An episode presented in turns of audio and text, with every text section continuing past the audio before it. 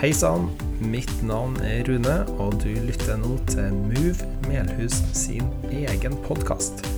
Besøk oss gjerne på movemelhus.no for mer informasjon, eller søk oss opp på Facebook. Vel bekomme.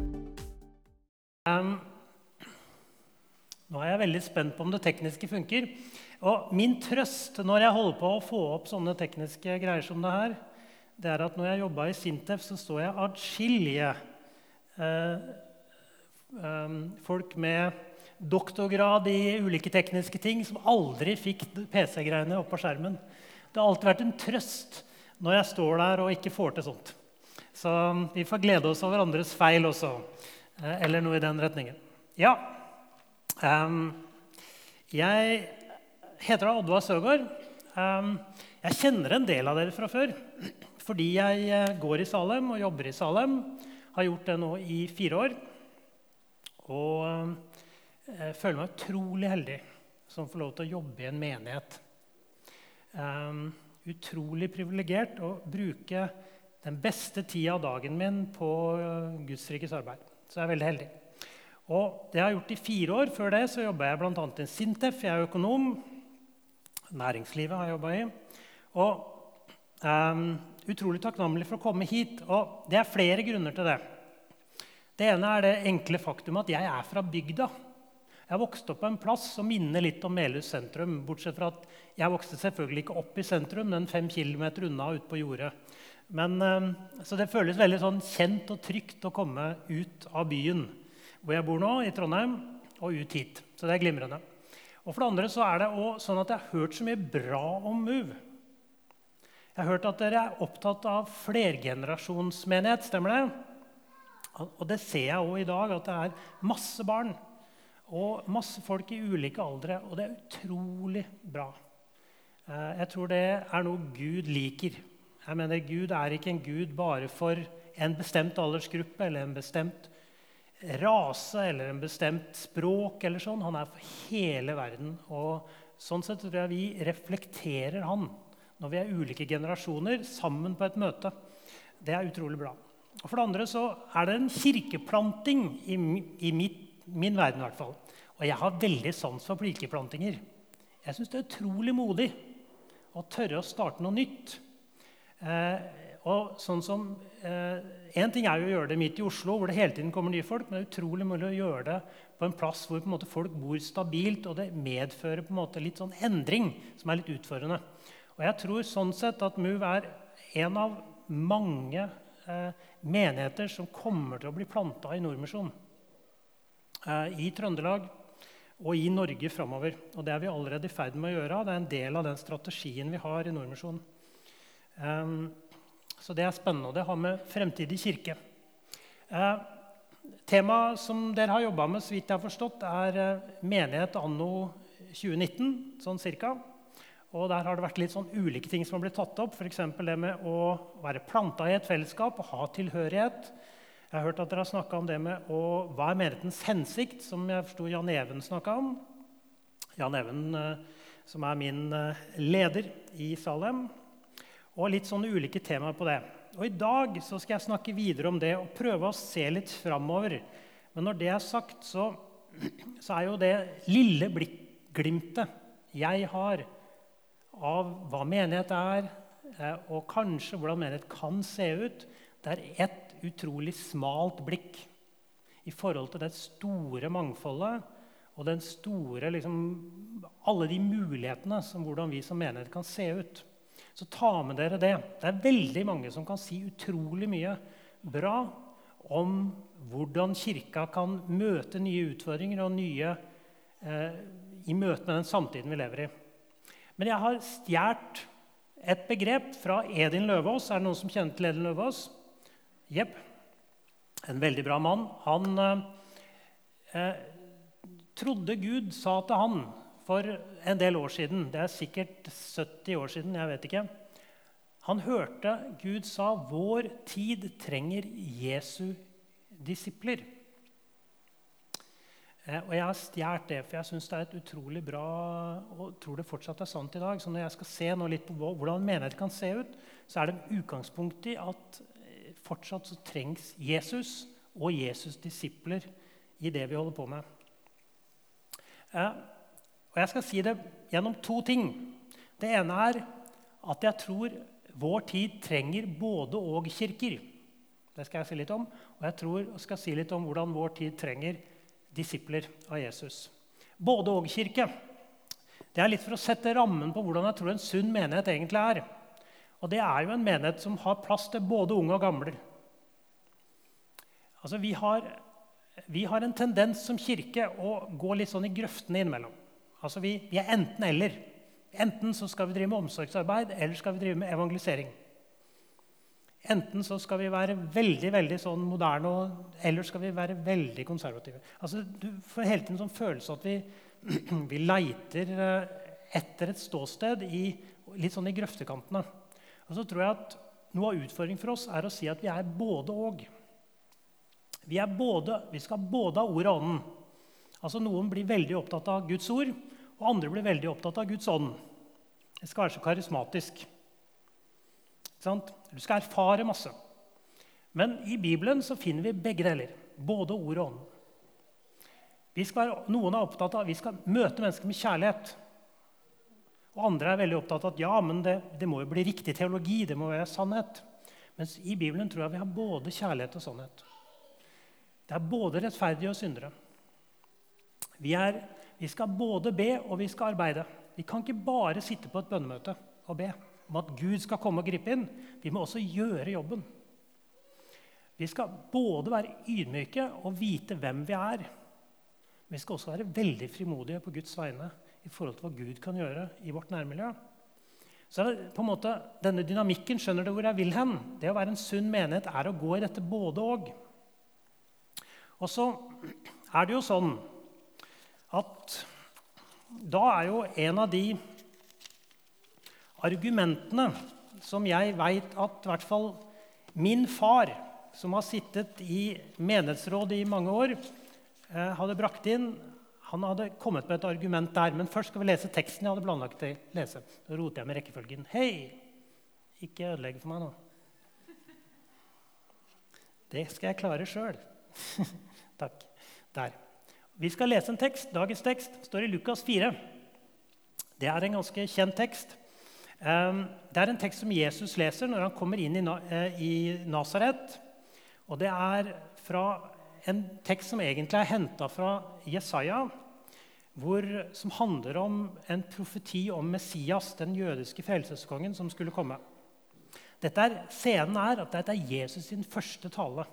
Nå introduserer han hva skal jeg gjøre, hva er min tjeneste. Og der står det eh, i Lukas 4 så står det Herrens ånd er over meg, sier Jesus. For han har salvet meg til å forkynne et godt budskap for fattige.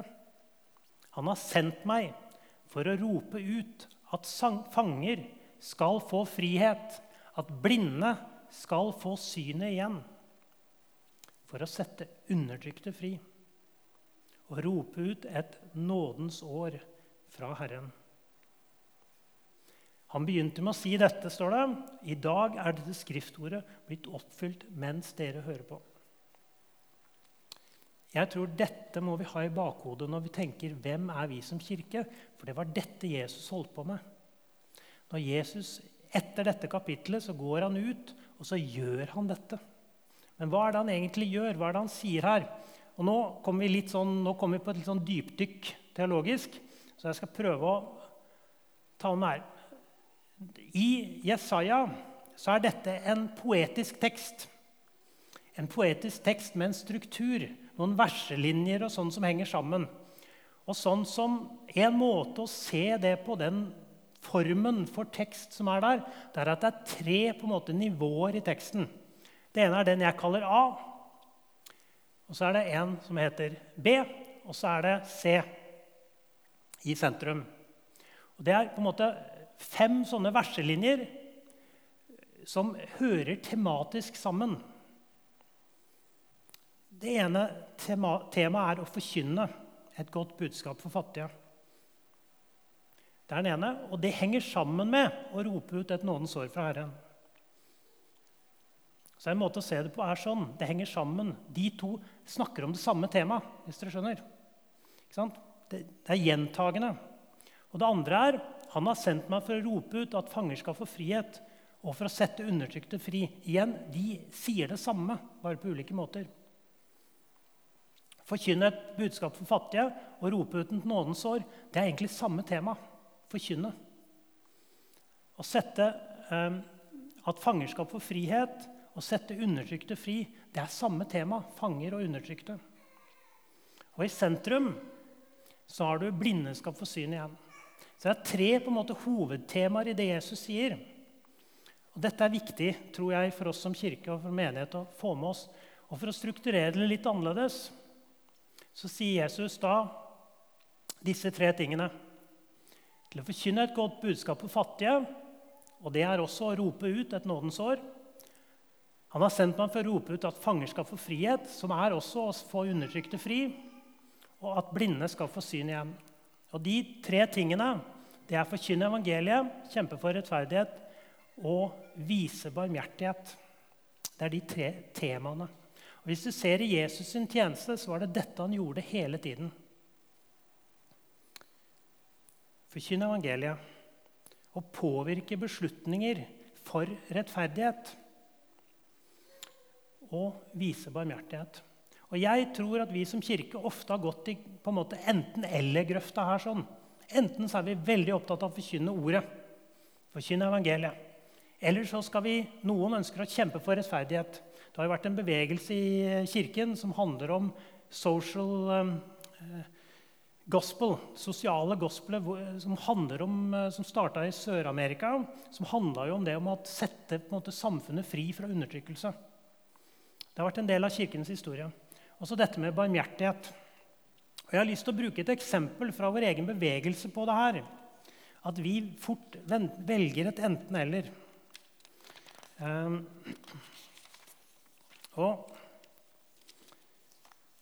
altså Jesus gikk jo ut og proklamerte dette. Han forkynte, og han demonstrerte barmhjertighet året. Når Jesus sier disse tre tingene, så må vi som menighet i framtida gjøre disse tre tingene på ulike arenaer. Det er en kjempeutfordring for oss. Derfor er det utrolig bra at dere ønsker å komme i kontakt med det lokalsamfunnet dere er i gjennom f.eks. flyktningarbeid. Det er en del av det Jesus gjorde. Og Det er egentlig en del av det Kirken alltid har gjort. Men som vi i Norge i hvert fall en periode har vi spesialisert oss på forkynnelse. Og så har vi også spesialisert oss på barmhjertighet, som Kirkens Bymisjon har gjort. Men utfordringen er at det er sammen det er sterkt. Det er en veldig forenkla historie om eh, Oslo eh, Indremisjon, men noe av det er helt reelt. Og så er det den innvendingen som når jeg sier både og til min far, da, som har sittet på, i uh, menighetsråd i veldig mange år, og også har vært aktiv på bedehuset hjemme, så sier han ja, men både og betyr ikke det både høymesse og bedehus. Og Det er et spørsmål vi må stille oss sjøl i forhold til hvordan vil framtidig kirke se ut. Det er et veldig godt spørsmål, syns jeg. Og Der har jo Nordmisjonen sagt at det vil avhenge av de lokale forholdene. og det tror jeg er klokt. For Noen steder tror jeg det er utrolig fornuftig at man jobber sammen, på en måte har um, um, tett samarbeid og på en måte som en del av en enhet. Um, og så er det noen ting som jeg tror vi må passe på hvis vi gjør det. Vi må jobbe på hvis vi gjør det. Og jeg skal bruke en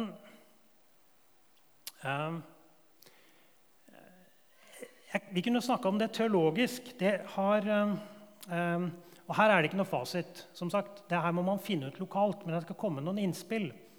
Um, for det tror jeg kan være ok, hvis det er greit. Og det er Oskar Skalskjevne har akkurat skrevet en bok eller i fjor, som handler om bl.a. det her. Hvordan kan vi samhandle eh, som Guds folk og Den norske kirke og bedehusene og sånn? Det er et av temaene i hans bok eh, Bergprekenen Jesus. Den vil jeg anbefale. Men jeg skal se det fra en litt annen vinkling. Ikke teologisk, ikke kirkehistorisk, men sosiologisk. Som er noen av de utfordringene vi må ivareta som menighet.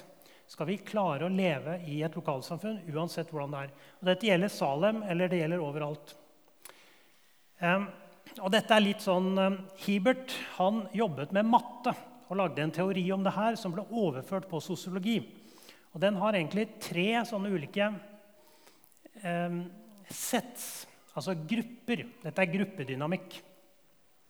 Og Det ene er det som Hebert kalte 'bounded set'. Og Her ser du det er folk som er i og rundt en sirkel hvor du da er enten inn, altså innenfor, eller ute, utenfor. Det bedehusmiljøet jeg vokste opp på Årnes, var nok litt der. Det var, ikke, det var ikke det at de valgte det, men de var litt der. Man visste veldig tydelig hvem som gikk på bedehuset, og hvem som ikke gikk det. Vi hadde liksom oversikten. Og Det betyr at det er noen kjennetegn, noe som gjør at vi veit at du er innafor eller utafor. Det er litt statisk. Og Noen ganger så er det sånn at det er ytre kjennetegn som gjør om du veit du er innafor eller ikke er en gruppe. F.eks. en motorsykkelklubb har et emblem på ryggen. Da veit man hvem som er medlem av klubben. ikke sant? Det hjelper oss å sortere. Men det kan også være språk. Jeg har vært en del av kristne miljøer, eller, eller unnskyld, vært besøkt kristne miljøer hvor man har et veldig sånn distinkt språk. Man hører hvordan de ber, hvem som er en del av det miljøet. Og Vi har mange sånne ubevisste ting som gjør om vi føler at er jeg en del av gjengen eller er jeg det ikke. Hører jeg til her eller hører jeg ikke til her? Og her veit folk. Du veit om du hører til.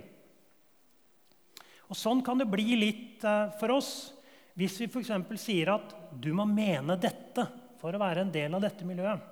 Jeg tror det er en utfordring for meg som konservativ kristen hvis jeg sier at for eksempel, du må ha disse meningene om disse teologiske spørsmålene for å kunne gå i denne menigheten. Og Det er fristende for oss å gjøre. Ikke sant? Akkurat i dag så er det homofilispørsmål og sånne ting som er de store temaene. Tidligere har det vært andre ting. Og så er det lett for oss å, å tenke at du må være enig i dette for å tilhøre dette fellesskapet. Og det har noen konsekvenser. Det gjør det enklere for oss å sortere, men det har noen konsekvenser.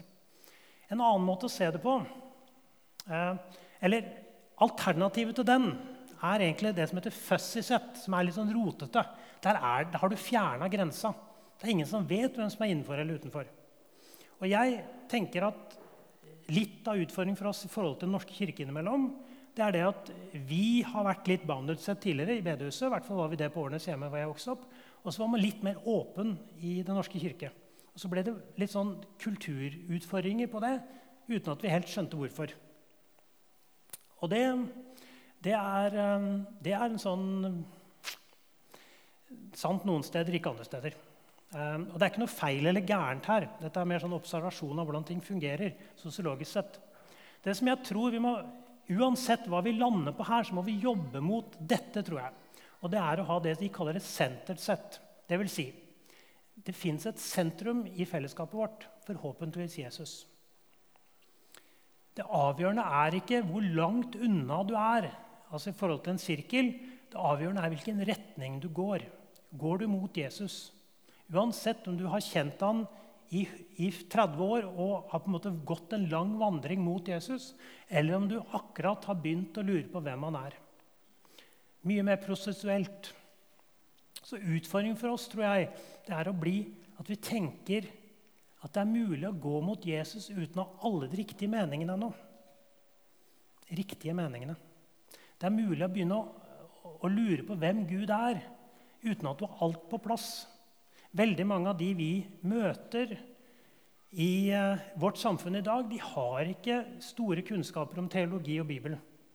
Derfor så Hvis de begynner å lukte på fellesskapet vårt og kanskje begynner å gå mot Jesus, så er det mange av de meningene som Nordmisjon og vi har, som kanskje ikke de har. Kan de da være en del av fellesskapet? Ikke hvis det er bounded set, for da veit de at de er ikke enige med oss. Så utfordringen for oss er å bygge en kultur hvor vi er på en måte åpne for mennesker, men samtidig har et tydelig sentrum. Og Dette er en utfordring for oss uansett hvordan vi på en måte samhandler med andre menigheter og, og, og fellesskap og samarbeider. Tror jeg. Uh, er det litt sånn make sense? ikke Hvor din relasjon i et sentersted er avhengig av sentrumet, ikke av meningene dine. eller sånn. Og så er det noen balanser i det. Um, det er noen balanser i det også. Som alle sånne modeller og sånn, så har det sine svakheter. Så det var litt om det å være både og. At vi og her sånn da, sett, både har et sentrum, men også har på en måte åpne dører som ingen kan komme eh, inn i fellesskapet. Ha et tydelig sentrum og identitet. Men så var det det andre spørsmålet. Det å tjene Jesus som disipler. Og da skal jeg prøve å finne det geniale arket som jeg hadde på det. Et lite øyeblikk. Er dere med meg på det her, eller er jeg liksom ute til lunsj i forhold til det dere uh, Jeg er åpen for det. altså Jeg er innimellom ute til lunsj. Um, så, så er spørsmålet Hvis vår tid trenger Jesus' disipler, hvordan ser det ut? Og nå har vi gått over fra bounded set, at er unnskyld, fra at vår tid trenger åpne eller um, både-og-kirker, til at vår tid trenger Jesus' disipler. Hvordan ser det ut? Um, for det første så tror jeg det handler om å um, Å tilbe Jesus. En Jesus-disippel er en som tilber Jesus. Og når jeg sier det, så vet jeg en del tenker å ja, lovsang. Og det er ikke det jeg sier. Tilbedelse har egentlig ikke så mye med musikk å gjøre. Det har med en livsstil av å bøye seg ned for Jesus. Eller for å ta det der centered set-modellen det å gå mot Jesus. Ha retta livet sitt inn mot å gå mot Jesus. Det er tilbedelse. Jeg tror vi trenger i framtida tilbedende menigheter. Menigheter som går mot Jesus, som lar Jesus være herre i livet vårt. Og det, det høres veldig lett ut, men jeg må jobbe med det hver dag. Fordi jeg er både rettferdig og synder, så må jeg hver dag jobbe med dette. Hvem er herre i livet mitt? Hvem tilber jeg egentlig? Og utfordringen vår er at vi blir lik det vi tilber. Ser du på Netflix hele dagen og har, eh, har forbildene dine blant bloggerne i Norge, så blir du sannsynligvis lik dem. Du får de samme meningene, de samme oppfatningene som de du prøver å bli lik.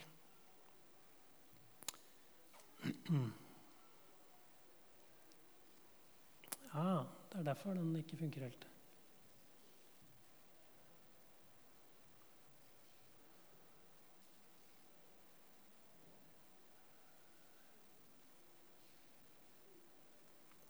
Um, så jeg tror en Jesus-disippel er en som tilber Jesus, som går mot Jesus. Jesus sier i Lukas 4, fra det der vi akkurat leste, når han blir møtt av fristelse, så svarer han på den måten.: Herren din Gud skal du tilbe, og ham alene skal du tjene. Vi må tilbe Jesus. Og Det andre punktet er vi må tjene som Jesus. I Matteus så står det eh, slik er, Så sier Jesus som følger Slik er heller ikke menneskesønnen kommet for å la seg tjene, men for selv å tjene. Å gi sitt liv legge ned sitt liv. Jeg tror det handler om mandag til lørdag og også søndag. Det å leve et tjenende liv. Hvorfor må vi leve et tjenende liv? Det er mange grunner til det. En ting er at vi som kirke ikke er de som blir spurt om råd når folk lurer på noe rundt oss. Altså, kirkens troverdighet på mange spørsmål er ikke så veldig stor. De kommer ikke til oss med de åndelige spørsmålene veldig ofte. De kommer ikke hit for å få svar på livets problemer. Kanskje bortsett fra i forbindelse med når livet blir veldig tungt eller død. Da kommer man til kirkene. Men veldig mange andre spørsmål for hvilken valg man skal ta, da går man andre steder. Kirken har ikke troverdighet til å bli spurt. Så hvordan får vi troverdighet? Jeg tror vi må følge Jesus og tjene lokalsamfunnet rundt oss. Um, og Det kan vi gjøre på mange ulike måter. Vi har brukt vårt lille nabolag som et sånt lite eksperiment på det der. Hvordan kan vi gjøre i nabolaget vårt? Og en av de geniale tingene som jeg fant ut da, og jeg er jo kjempesmart, som dere skjønner, i oppfatten, det var at jeg måtte bygge en mur. Ut, jeg, jeg, skjønte det når jeg bygde en mur utenfor huset vårt. Um, må, en av svarene på hvordan leve som Jesus' disippel er å bygge en mur utenfor huset ditt.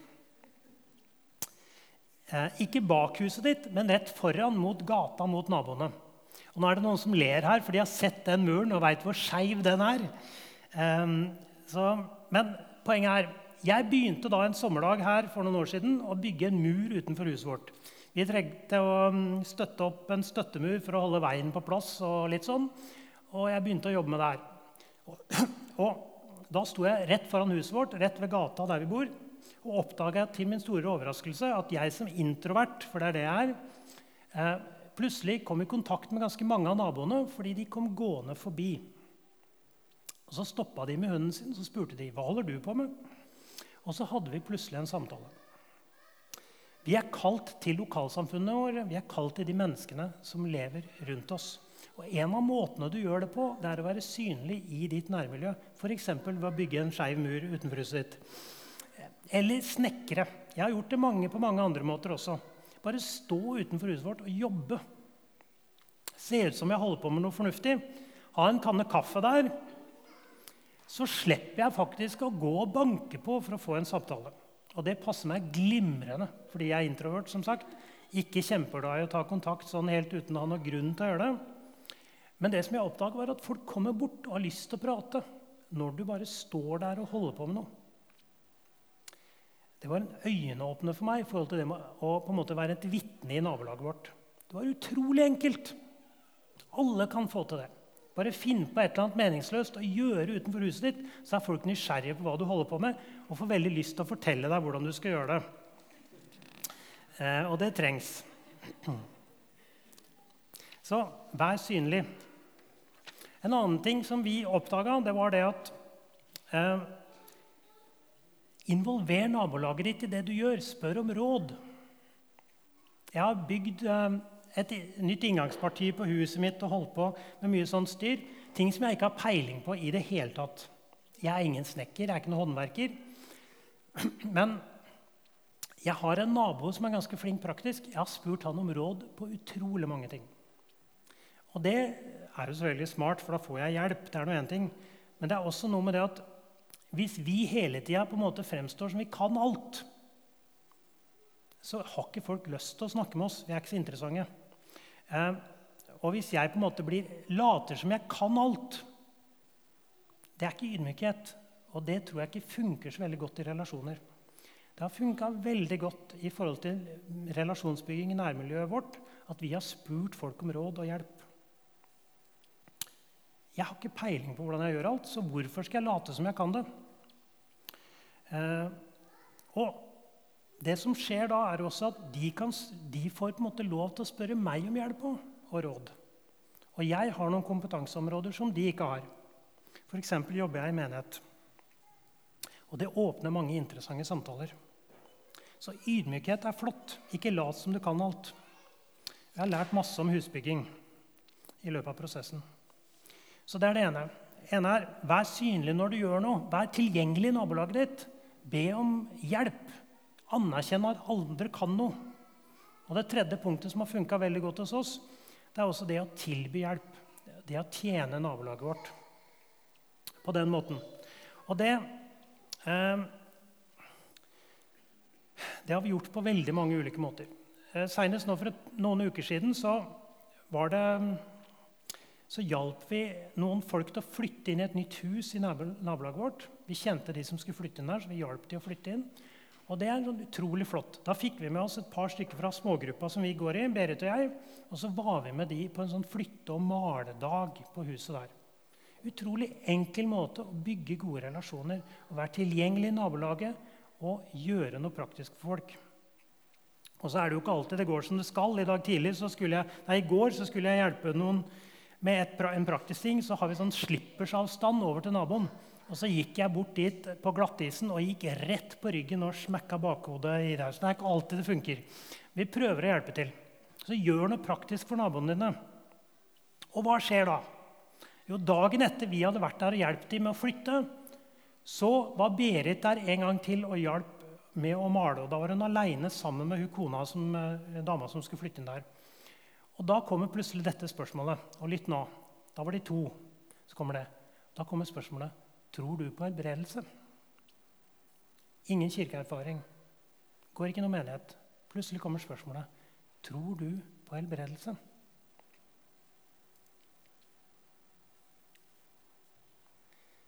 Litt overraska.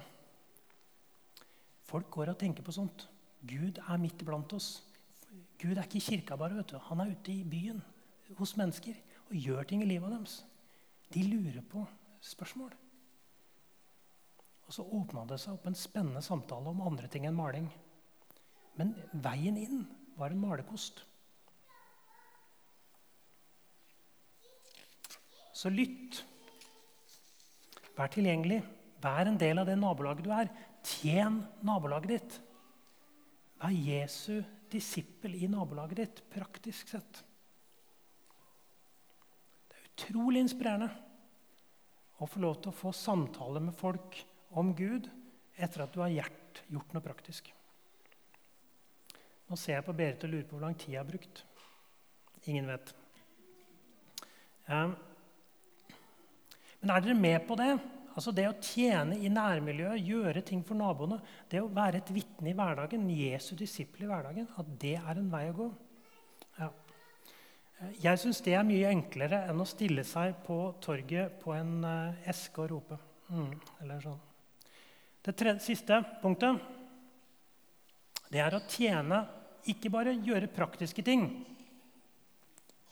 Fordi da kan det fort bli sånn at det er vi som skal være gode ikke sant, i nabolaget vårt. Men også involvere Guds kraft i det vi gjør. Jesus sier sønnen kan ikke gjøre noe av seg selv, men bare det han ser far gjøre. Det far gjør, det gjør også sønnen. Og det har utfordra meg. For hvis det er sånn at Jesus ikke gjorde noe annet enn det han så far gjøre, hvor, hva betyr det for meg? Kan jeg gjøre masse uten Gud? Og Når Jesus sier det, så har han akkurat helbreda folk. Så det er ingen tvil om at Han mener ikke bare bygge støttemurer for naboen eller hjelpe dem praktisk. Han snakker også om åndelige ting. Å gjøre kraftgjerninger, kunnskapsord og mange av disse tingene som noen av oss syns er vanskelig å forholde seg til. Og Jeg har lyst til å utfordre dere på å tenke gjennom både det her Hvordan kan vi tjene nabolaget vårt praktisk? Men også hvordan kan vi betjene nabolaget vårt åndelig? Folk lengter etter Gud. De har spørsmål i livet sitt. Hvordan helbreder Gud? Er, hvorfor har jeg erfart disse åndelige tingene og mange sånne ting? Folk har utrolig mange spørsmål. For Gud er jo midt iblant dem. Det gjør ting i livet til folk. Og da trenger vi å være litt på hugget i forhold til det med Den hellige ånds kraft. Vi er kalt et liv som lærlinger. Og noe av det vi kan lære, er faktisk å leve det livet Jesus gjorde, også overnaturlig. Vi kan ikke bare gjøre gode gjerninger. Fordi hvis målet vårt er å bli gode, så er ansvaret vårt ikke sant? Hvis målet mitt i nabolaget mitt er å være god, så, det, så har jeg liksom spørsmål har jeg vært god i dag. Og Da er det jeg som har ansvar for på en måte å spre den godheten. Hvis målet vårt er å være lydig til det Jesus sier, så er det Gud som har ansvaret. Da er det Gud som har ansvaret. Så vi må ha ørene oppe for hva sier Gud når vi ber for naboene våre. Hva sier Gud når vi ber for familien vår? Dette kan læres. Du kan be for syke. Og så er det en setning etterpå som har hjulpet meg veldig. Og det er den setningen der. For far elsker sønnen og viser ham alt det han selv gjør. Og vi er ikke Jesus, men Gud elsker oss. Gud elsker deg. Han har lyst til å vise deg hva han gjør. Også på en måte tanker du kan få som du kan gi. Og For noen så er dette veldig praktisk. Berit, kona mi, hun får sånn tanke at bak et brød og gi til naboen. Av en eller annen grunn får jeg sjelden det. Men, men du skjønner, det er ikke nødvendigvis sånn fryktelig superåndelige ting. Det handler om å være naturlig med det her. Gud er ånd, og han har skapt verden. Det er fryktelig praktisk. Stein og jord og grus er fryktelig praktisk. Gud er fryktelig praktisk. Vi må ikke gjøre det så fryktelig åndelig å lytte til hva Gud sier, og gjøre det. Det kan være så enkelt som å tenke ok, er det noen som trenger en bolle her i nabolaget? Greit, vi baker boller. Eller hm, jeg hører han forteller at han har vondt. Hvordan kan jeg være med å be? Og For noen av oss er det vanskelig. Jeg er ikke kjempeåndelig eller kjempeflink til å be for folk eller kjempeflink til å få kunnskapsord og profetiske ord. og alle disse tingene. Jeg syns det er veldig vanskelig. Men jeg klarer ikke å komme bort fra at det er en del av det Gud har kalt meg til. Og det må påvirke hvordan jeg ber for nabolaget vårt. Hvordan ber vi for dem? Og spør Gud hva gjør du i livet til naboen min. Hva vil du at jeg skal velsigne naboen min med? Åpne opp for at Gud kan vise deg både praktiske ting du kan gjøre, men også på en måte ting du kan være med å be inn i. Og Det er utrolig spennende. Jeg har dumma meg ut veldig mange ganger på det her. Ehm, for det var ikke noe garanti at ting skjer, ikke sant? Jeg har men det har også overraska meg noen ganger. Jeg husker En gang jeg skulle på et møte og være med i forbønnstime. Og den, det var en søndag, og den kvelden før så var jeg Ja, altså noen ganger når jeg er litt sånn ute til lunsj jeg, jeg, er, eh, jeg får ikke livet helt til å stemme. Så blir jeg som introvert. Jeg ser på TV eller bare går helt bananas på et eller annet område. Og akkurat det hadde jeg gjort den dagen. der. sånn. Så når jeg kom på møte på søndag, så følte jeg liksom her er ingenting å gjøre. Jeg var ikke åndelig forberedt. Jeg hadde holdt på med helt andre ting den kvelden før og den natta var ikke på plass. Så jeg ba en bønn om tilgivelse og gikk inn på møtet. Ikke sant? Sånn som vi gjør noen ganger. Jeg følte jo ikke at det hjalp så mye. egentlig, men nei. Så etterpå skal jeg være med og be. Og så gikk jeg opp. Da var det en kar som kom fram til forbønn. Stelte seg opp foran meg. Han var to meter høy. Og jeg tenkte ok, jeg får be. Og så Noen ganger så har jeg ikke så mye å be. ok? Jeg har ikke så mange ord. Jeg veit ikke hva jeg skal be om. Akkurat den dagen var det spesielt sånn. Jeg hadde ingen tanke om hva jeg skulle be for for han. Så jeg mumla en bønn. Jeg sto der og ba stille fra han og tenkte bare jeg må vel snart bli ferdig. For jeg følte at det her funka ikke. Jeg vet ikke om du har hatt det sånne ganger når du ber. Det funker bare ikke.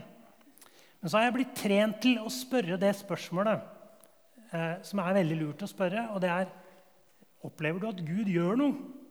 Det er jo et godt spørsmål ikke sant? hvis vi forventer at Gud skal røre folk. Så jeg spurte da det spørsmålet denne dagen også til denne høye mannen og spurte opplever du at det skjer noe. Og I mitt hode var jeg selvfølgelig svaret nei, sånn at jeg kunne gå videre og avslutte samtalen. Og gå videre, ikke sant? Og så står han der så sier han det. Til min store overraskelse. Det går en kraft gjennom armene mine. En varme som strømmer gjennom armene mine. Og jeg bare What? Um, og så viste det seg at han hadde hatt senebetennelse i mange år. Og så kom Gud og rørte ved han den dagen. Og jeg tenker Jeg var jo elendig forberedt ba en tilgivelsesbønn og gikk inn på møtet. Ikke, var ikke forberedt i det hele tatt, hadde ingen tro på at Gud skulle gjøre noe. egentlig. Men akkurat da av en eller annen morsom grunn, så valgte Gud å gjøre noe jeg ikke forventa. Og sånn er det noen ganger når vi går i lydighet. Du kan be for naboen din, du kan snakke med naboen din uten at du er forberedt, og så åpner Gud opp en dør. Så vi, jeg oppfordrer deg til begynn å utforske hva det her betyr i livet deres. Hva betyr det å leve naturlig i det overnaturlige? Um, til slutt en liten oppsummering. Jesus sier Vi snakker om fremtidig kirke. Vi snakker om det å være både og. Vi snakker om det å være en disippel. Være fellesskap hvor det er mulig å være en Jesu disippel. Så sier Jesus et sted til oss som er hans venner og hans lærlinger Ingen har større kjærlighet enn den som gir livet for vennene sine. Legger ned livet, sto det tidligere. Og det spørsmålet har Gud stilt meg noen ganger. Oddvar, hvem legger du livet ned for? Og Det er egentlig spørsmålet til dere i Muvo. Hvem legger dere livet ned for? Hvis vi skal være Jesu disipler, følge Han praktisk i hverdagen. Han la livet ned for oss. Det gjorde han. Jesus ofra alt for oss. Og Så er spørsmålet hvem legger vi livet ned for? Er det oss sjøl? Er det at jeg skal ha det bra, at jeg skal realisere meg, at jeg skal få gjøre akkurat som jeg sjøl vil? Er det kona mi? Er det barna mine?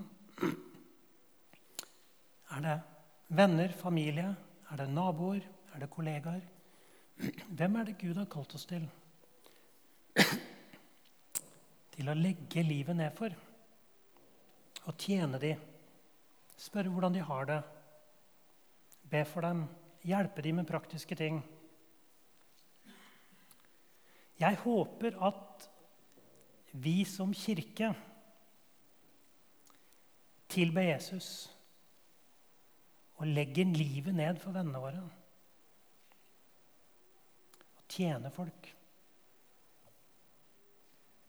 Det er ikke enkelt, men det er det å følge Jesus, tror jeg. Ikke leve for oss sjøl, men for han. Ikke leve for oss sjøl, men legge livet ned for andre. Og noen av dere gjør det masse hele tiden. Kanskje spesielt for barna deres, familien. Jeg tror det er Gud elsker at dere gjør det. Ja. Gud elsker at dere gjør det. Og Noen av dere er kanskje kommet dit jeg har. Min sønn har nå reist på folkehøyskole. Da får jeg frigjort masse tid. Betyr det at jeg da skal dra på flere hytteferier, eller betyr det at jeg skal finne noen andre å legge livet ned for? Um, vi må kjempe med det her. Vår frihet, vår personlige tid. Hvor komfortable vi er og om vi skal ta et skritt mot andre og leve for andre og legge livet ned for andre. Og Jeg veit at dette er ikke det budskapet som dere vil lese mest om i, i media for øvrig, det å legge livet ned. Men jeg tror det er det Jesus kaller oss til. Så eh, skal vi be litt, invitere Gud. Um, Det å følge Han er det det handler om. Um, og Kanskje noen av dere, når jeg snakker, ikke føler det her er relevant i det hele tatt. Og kanskje for noen av dere så er det ting dere skal tenke gjennom på nytt eller første gang for hundrede gang. Hvem er det Gud har kalt meg til? Um, vi som fellesskap, hvem er det vi skal legge ned våre liv for? Um, det er ikke bare enkelt. Jeg, eh, jeg, det er ikke naturlig for meg å gjøre det. i hvert fall. Jeg må øve på det her. Skal vi bare invitere Gud og så be litt, og så avslutter jeg, og så blir det vel litt lovsang og forbønn etterpå. Mm. Um, skal vi be litt? Mm, ok. Um, ja, Jesus, takk for at du er her. Takk for at du er Gud over alle ting. Takk for at det er du som er Gud, og ikke vi. Jesus, det er god hjelp. Takk for at du har et hjerte for oss, at du elsker oss. Og at du elsker oss så mye her at du viser oss hvem du er, og hva du vil vi skal gjøre. Og så elsker du Melhus og nærmiljøene våre, der vi bor, de folka vi bor blant, Jesus, de barna vi har. Jesus, og vis oss hvordan Herre, vi kan tjene deg i møte med de folka her, dette nærmiljøet, dette lokalsamfunnet, eh, de nabolagene vi bor i, Jesus. Mm. Jeg ber om det. Hvis du på en måte har fått tanker eller har lyst til forbønn for det her etterpå, så gå bak, er det ikke det det heter? Og snakk med noen der. Eller snakk med hverandre. Det er ikke noe sånn at um, det er bare noen få som kan be. Det kan vi alle gjøre. Mm.